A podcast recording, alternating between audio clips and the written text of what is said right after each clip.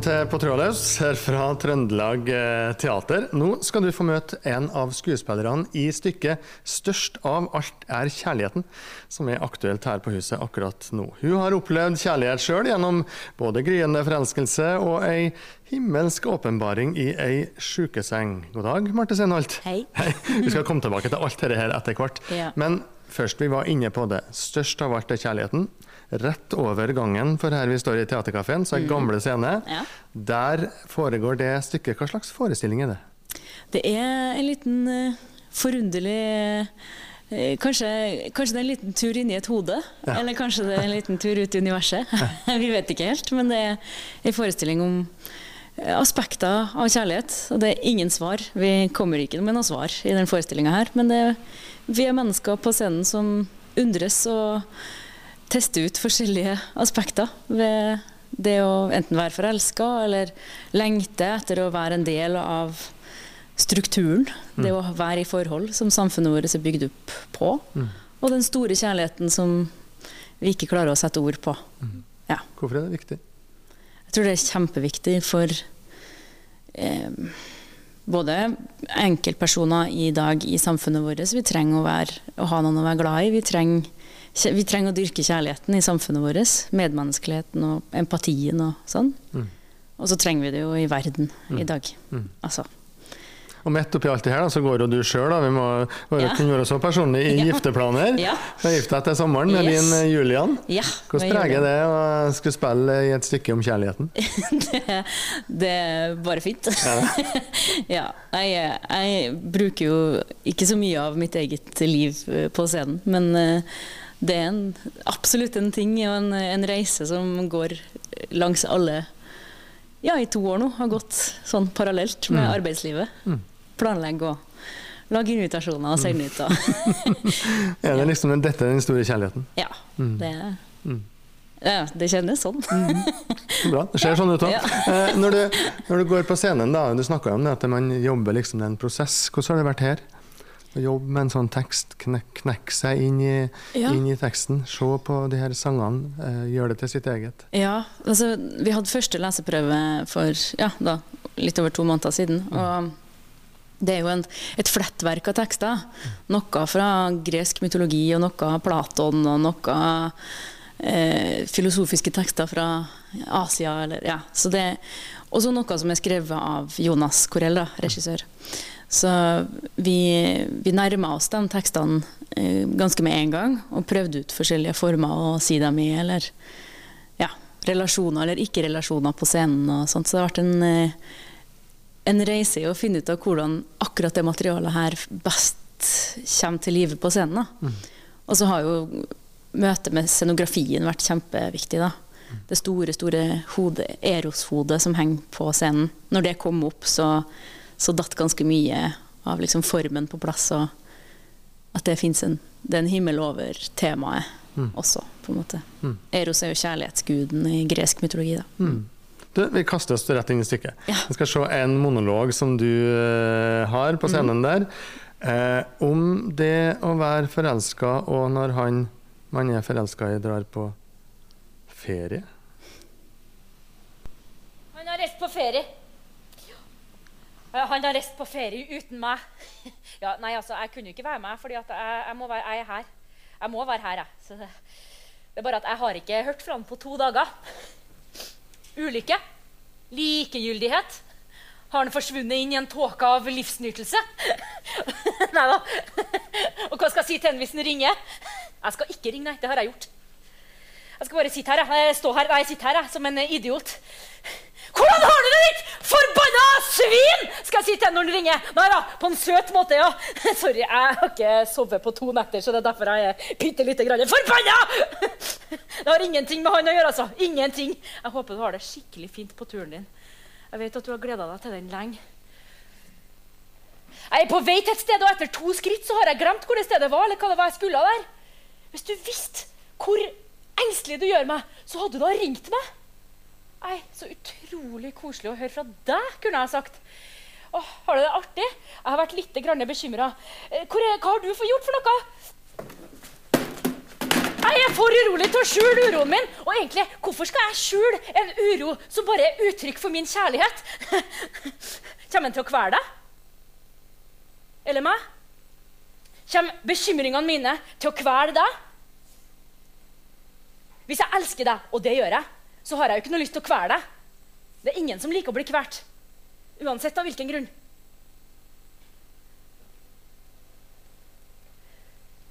Så enten så kan jeg kvele kjærligheten min med uroen min. Eller så kan jeg kvele kjærligheten din med bekymringene mine. Sterke følelser, Marte. Ja. Er det gjenkjennelse der? Eh, ja.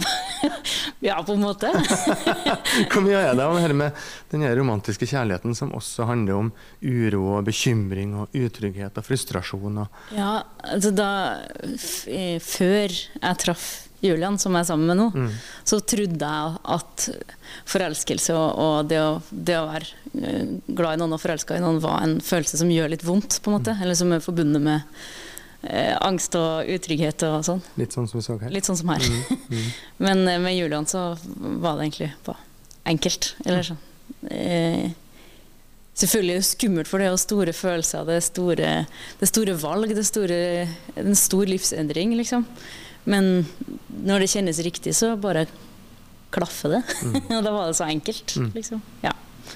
Så det det er lenge siden jeg har hatt det sånn. Og nå blir det altså da bryllup for din del da, i en alder av 28 år. Det er lov å si det? Ja, det er lov å si. Ja. Eh, du er jo en av de nyere skuespillerne i ensemblet på Trøndelag Teater. Men Mm. det må kanskje gå an å si at du, du er litt kjent i gangene her allerede? Ja. Ja. ja, jeg var med på Les Miserables. Le Miserable Ja. da jeg var ti. Ja, her. Det var i 2006. Mm. Fem? Seks? Ja. Var det da du bestemte deg? Her skal jeg tilbake. Nei. Nei. Eller da, da jeg var ti, så, så så jeg hvordan de voksne hadde og at de ikke de hadde ikke noe fritid, og de hadde ikke noe tid til familien sin, eller noe, så da bestemte jeg meg for at det skal jeg ikke bli når jeg blir stor. Nei, For jeg vil ha et liv. Men uh, her er du. her er jeg. ja. Men vi hører jo også at du er på hjemmebane, sånn rent uh, på dialekten din. da. Ja. Eh, du vokste opp rett borti bakken bak her. Mm. Døpt i Nidarosdomen ja. med en helt egen salme. Ja. Hvorfor det? Det var to eh, som jeg har på en måte adoptert som besteforeldre, Gry og Øyvind, som eh, bor på Vinstra, som skrev den salmen til meg da jeg ble døpt. da. Mm. Salme til Maria og Marte Mortensdatter heter den. Ja. Mm. Hvilken salme er det? Det er en, det er en veldig fin salme som knytter forholdet mellom det lille mennesket og den store himmelen sammen. Hvordan har den fulgt deg opp igjennom? Vi har, eh, den har jeg sunget i hvert fall én gang i året på dåpsdagen min. Ja. Hvert år. Mm. Oppe i Nidarosdomen. Mm. Og så har den blitt brukt i, eh, i arbeid med Barnas katedral, f.eks. Mm. Og ja. Den, eh, jeg har den på et bilde som henger på veggen. Og, Mm. ja. Det er en veldig fin tekst. Og Det sier noe om at du har også vokst opp med en familie som var støtt knytta til kirka. Ja. Din bestefar var biskop. Mm. Dine foreldre har vært aktive i, i lokalkirka. Hvordan prega det deg?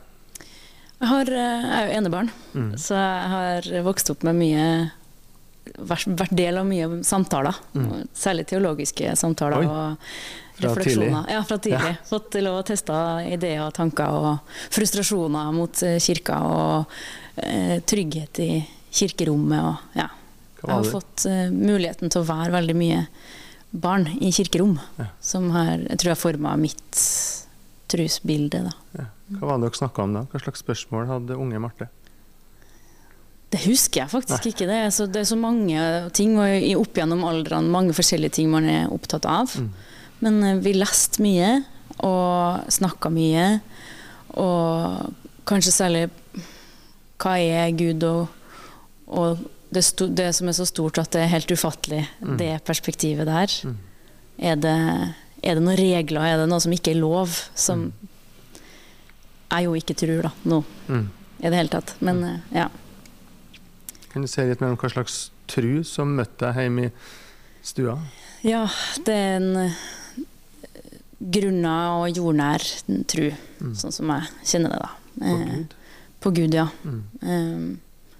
Og synet på at barnet har en helt, eh, helt selvklar plass i blant, både blant menneskene i samfunnet og, og hos Gud, da. Mm. Og at det ikke er noe sånn at noen ikke At noen ikke er elska for at de er dem de er, Mm. eller sliter med noe, eller sånt. Det er plass til alle, og alle eh, Ja, alle får plass i Gud. Mm. Mm. Hvor finner du Gud i livet ditt? Eh, I hverdagen din, i tilværelsen din? Inni meg Ja. Jeg var, i, jeg var i Nidarosdomen nå og så Alex eh, bli ordinert som prest. og Alex det var- Ja, Mm. Det var helt fantastisk. Da ble jeg veldig stolt Mm. og rørt av kirka. Og det er et eh, møte med Gud? Ja, det syns jeg. Der syns jeg så eh, Alex som lysstråle der framme. Eh, og jeg kjente absolutt at der var det noe til stede. Mm. Så i kirka kan jeg ofte kjenne det, men, men eh, jeg er ikke så ofte i kirka. Og noen ganger så syns jeg kanskje tekstene og ordene står litt i veien for, Mm. for meg å få kjenne det som er meg, på en måte. Mm. Så ofte inni meg sjøl. Rundt her et sted. Størst av alt er kjærligheten, er jo Ja. tittelen på teaterstykket du står i akkurat nå, men det er også et uh, bibelsitat. Det er jo det. Hva er, hva er Guds kjærlighet for deg? Endeløs. Mm. Mm. Grenseløs og uten stopp. Stor og alt. Så stor som ikke vi mennesker tror jeg får til. Eh, Men noe vi sikkert kan strekke oss etter. Sånn. Nå når vi er så sinte, alle sammen. Vi er jo det. Mm. Kjempesinte Mm. på verden og alt som skjer. Mm. Så er det fort gjort å lukke igjen de dørene inni oss.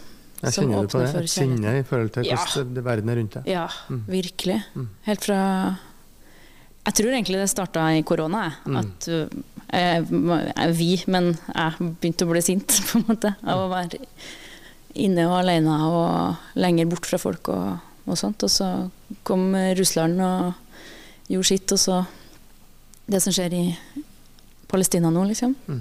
Det er jo kilde til ekstrem frustrasjon og Mm. hat, liksom. Mm. Men eh, man må passe Jeg tror vi må nøre kjærligheten. Mm. Så vi forstår at mennesker Alle mennesker prøver vel å ta vare på sine, på en Mm. måte. What the world needs now is love er jo en av de sangene som dere synger i stykket 'Størst av alt er kjærligheten', Mm. som vel ble skrevet med Vietnamkrigen som bakteppe yeah. på 60-tallet, men som jeg skjønner det du sier, jo, fremdeles er hyperaktuell. Ja. Mm. Veldig.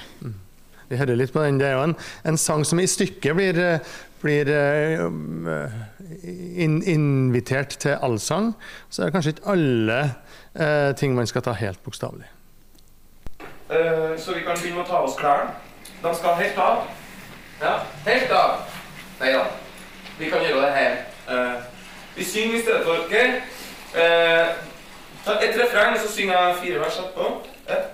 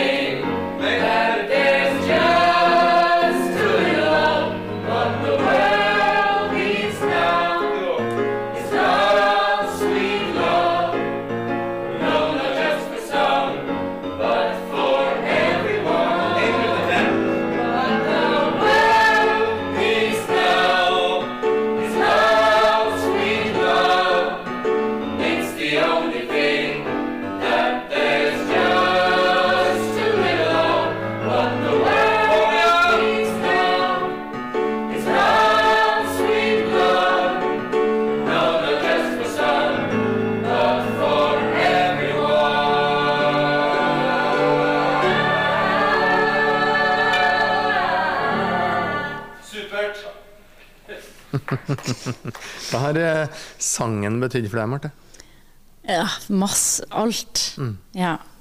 Den fikk du inn med, om ikke morsmelka, så i hvert fall dråpsvannet, Ja. hørte vi. Ja. Ja. Og sang Nidarosdomens jentekor etter Ja. hvert. Det gjorde jeg. Mm. Hvilke Hvilken opplevelser har du knytta til musikken? Um, jeg, jeg valgte å ikke gå musikklinja på videregående, f.eks. For eksempel, fordi at jeg var redd for at musikk skulle bli jobb. Eller at det skulle bli teknisk og, og flinkt, og ikke eh, komme ut fra meg sånn som det har gjort fra jeg var bitte liten. Da. Tror jeg har sunget hele livet.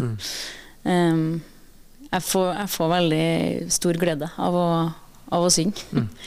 og bruke stemmen. Og det er noe av det som gjør at den forestillinga her er helt fantastisk å spille også, for det er så mye musikk, og det, vi får bruke stemmen på så forskjellige måter. Det er så mye forskjellige sjangre. Så sånn vokalteknisk så er jeg helt uh, super, uh, superglad og utfordra på det, den forestillinga her. Mm. Med en far som var jazzmusiker, Mhm. eller er jazzmusiker, og en mor som teaterpedagog, regissør, Mhm. var du på en måte dømt likevel til å havne på scenen? Jeg var, jeg, kanskje jeg var det, men jeg, jeg har ikke kjent det sånn. da. Men eh, det heller, har føltes som at det har vært veldig mitt eget eh, valg. eh, og også at jeg har vært mye i tvil om det valget jeg sjøl har tatt også. da. Så, Men jeg har jo selvfølgelig jeg har fått sett mye teater, jeg har fått hørt mye musikk. Så det er klart, når man omgir seg med det, så er det jo større sjanse for at man begynner med det sjøl. Ja. Hva ga det deg etter hvert opp gjennom ungdomstida, det her å stå på en scene? Det har vært veldig mye forskjellig. Det føles som det har vært en reise i altså utforsking av eh, faget mitt. Men eh, eh, det har aldri vært poeng for meg eh, å på en måte bli sett sånn eh, Jeg vil stå her og vises, men det å, det å stå på en scene og, og kommunisere med medspillere, og det å fortelle noe og formidle noen ting som jeg syns er viktig, eller som et, å få fram et budskap, møte folk. Det, å være, det syns jeg er helt magisk med teatret, er at vi er folk i samme rom her og nå som opplever det her. Helt unikt. Det kommer aldri til å skje igjen. Uansett om det er kveld, kveld etter kveld, så er det aldri helt likedant. Så det magiske rommet der, det er det jeg alltid har liksom leita etter, tror jeg.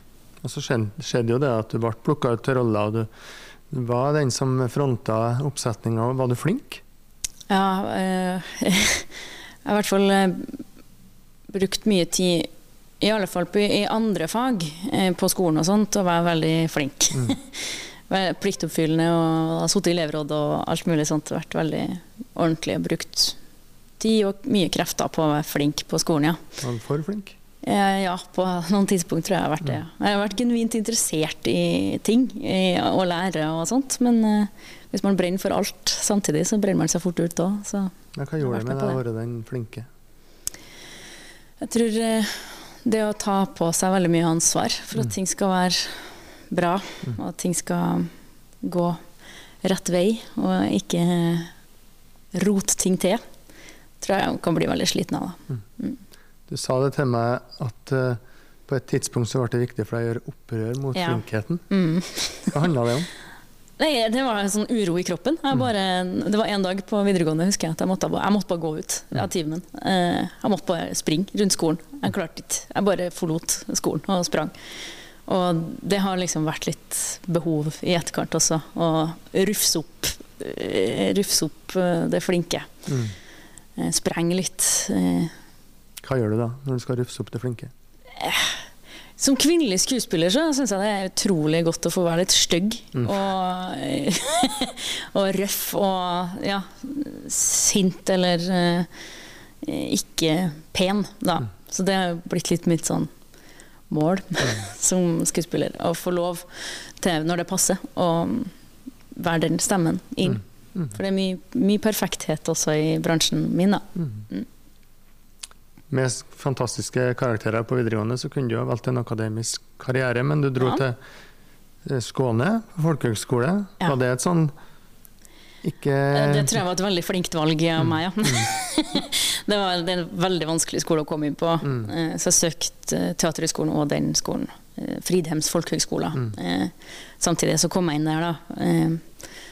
To års eh, ja, slags eliteskole i Sverige, da. Måtte ha læ- jeg har lært meg svensk og kosa meg masse med det. Så selv om jeg har vært, liksom, det har vært flink til sånn, så har jeg jo kosa meg veldig.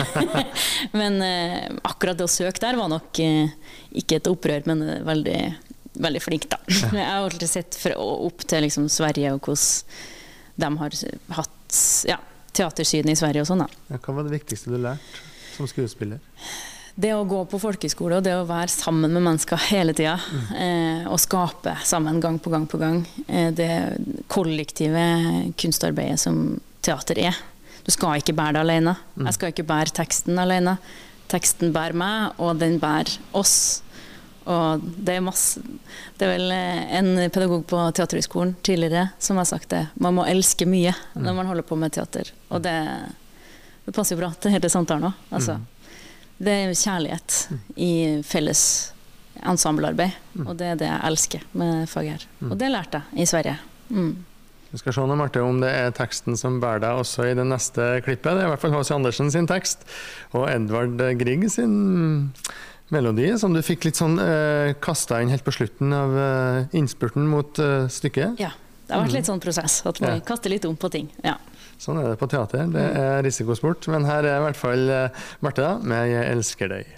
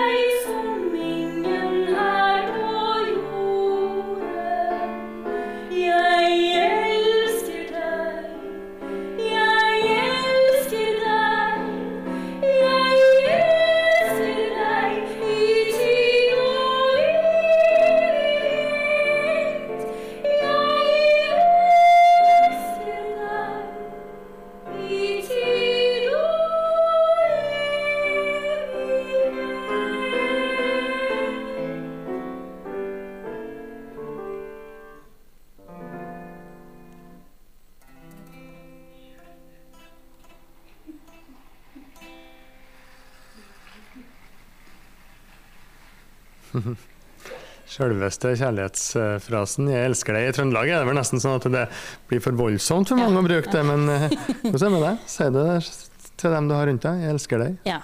Ja. ja det gjør det? det. Er godt. Jo, men det er jo litt sånn, det er jo litt stort. Mhm. I, Sverige så har, I Sverige sier man jo ikke 'jeg er glad i det. De- Man har ikke det. Så der sier man 'jeg elsker deg' Mm. hele tida. eh, og til venner og sånt også. Og det ble jeg også vant til i Sverige, da, å si til venner. Men eh, det, gjør jeg, det gjør man ikke i Norge. Det er forbeholdt noen. ja, det er forbeholdt noen Ja. veldig få, ja. Du, hvis vi fortsetter bare litt i Sverige, da, i historien din, så på et tidspunkt der så blir du plutselig veldig sjuk. ja.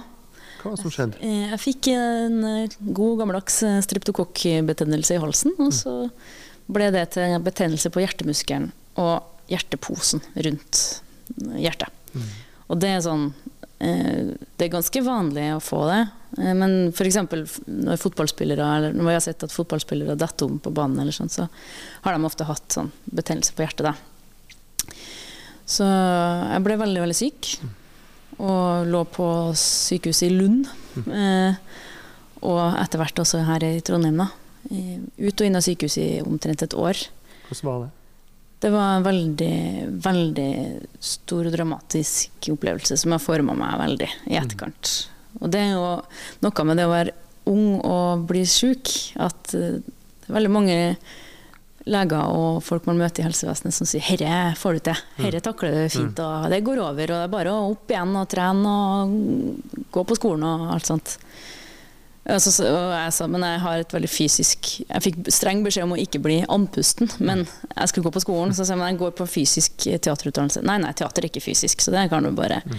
Så jeg, jeg ble eh, latt veldig alene, på en måte. Jeg måtte finne ut av ting sjøl. Og man, det er ingen fortalt meg, så man ofte forteller folk som har eh, hjerteinfarkt, eller folk litt oppi årene, da, at når du har hatt noe med hjertet, så, så går kroppen inn i noen slags sånn angst- og skjoldfunksjon etterpå for å passe på hjertet. Så det, angsten sitter jo fort her hos mange. Men- Så når musklene blir, blir stramme her fordi at kroppen passer på hjertet, så får man, blir man mye redd. Så jeg var veldig mye redd.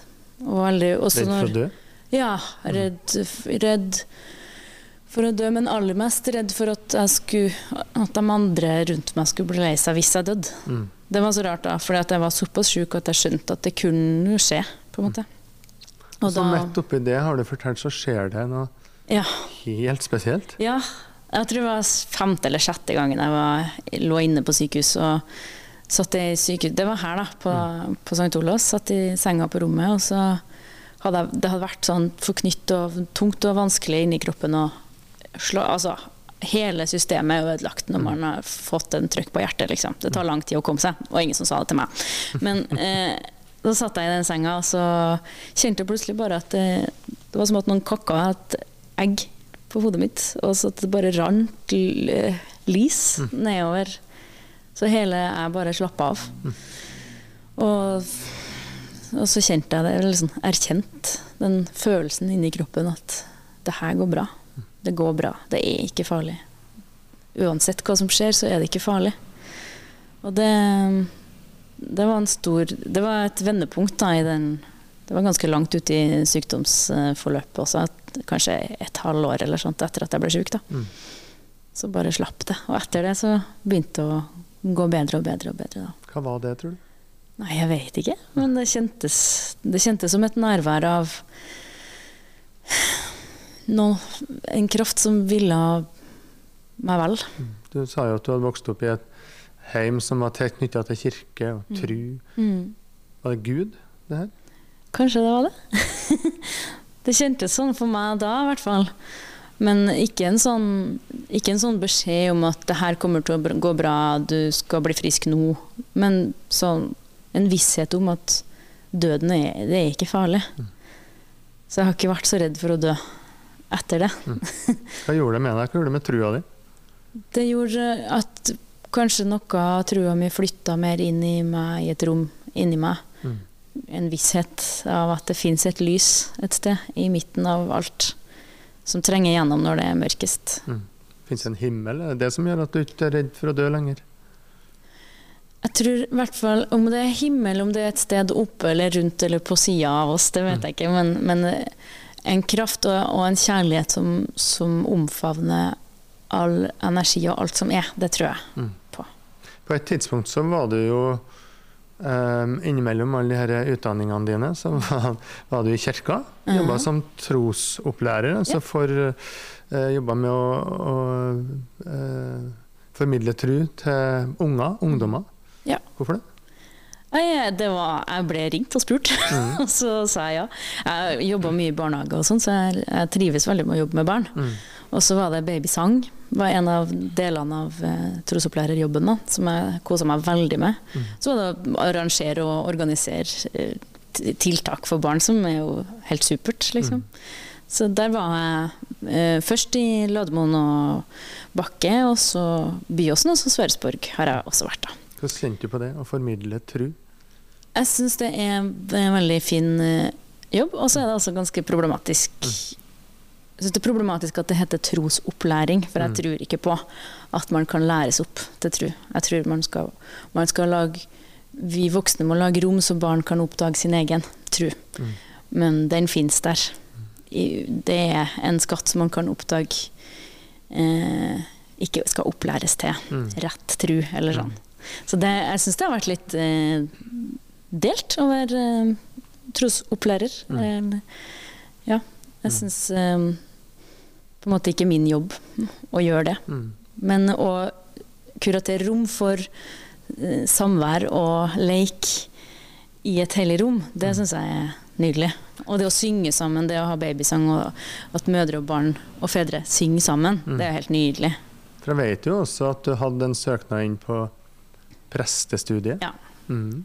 Det har jeg litt sånn inni hodet mitt fortsatt. Ja. så den, den er ikke lagt på hylla, den. Jeg har Nei. lyst til å bli prest en gang. En gang så blir du prest. Ja, jeg tror det.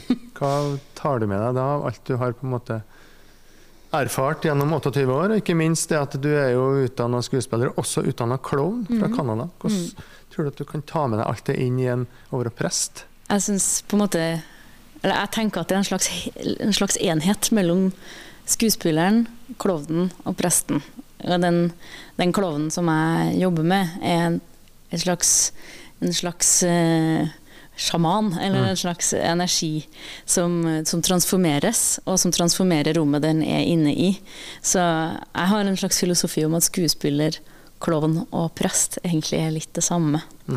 Eh, så det å, og det å være prest, det er jo det å møte folk. Det å, det å kommunisere, det å formidle budskap. Det å være til stede midt i livet med hele seg.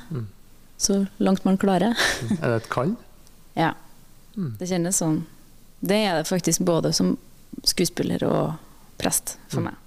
Størst av alt er kjærligheten. Er det virkelig sånn, Marte, at kjærligheten er aller størst? Ja, det tror jeg virkelig. Med hånda på hjertet. At det, ja. Tusen takk skal du ha for at du var med på Trua løs. Og alle disse episodene av På trua løs, den her fra teatret og alle de andre, de finner du jo da eh, på alle de podkastappene som finnes, på Nidaros bispedømmes sine nettsider og Facebook-sider, og også på Trønder-TV.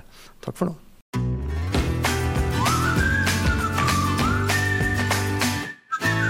På Trua laus er en podkast fra Nidaros bispedømme. Programleder er Magne Vik Ravndal.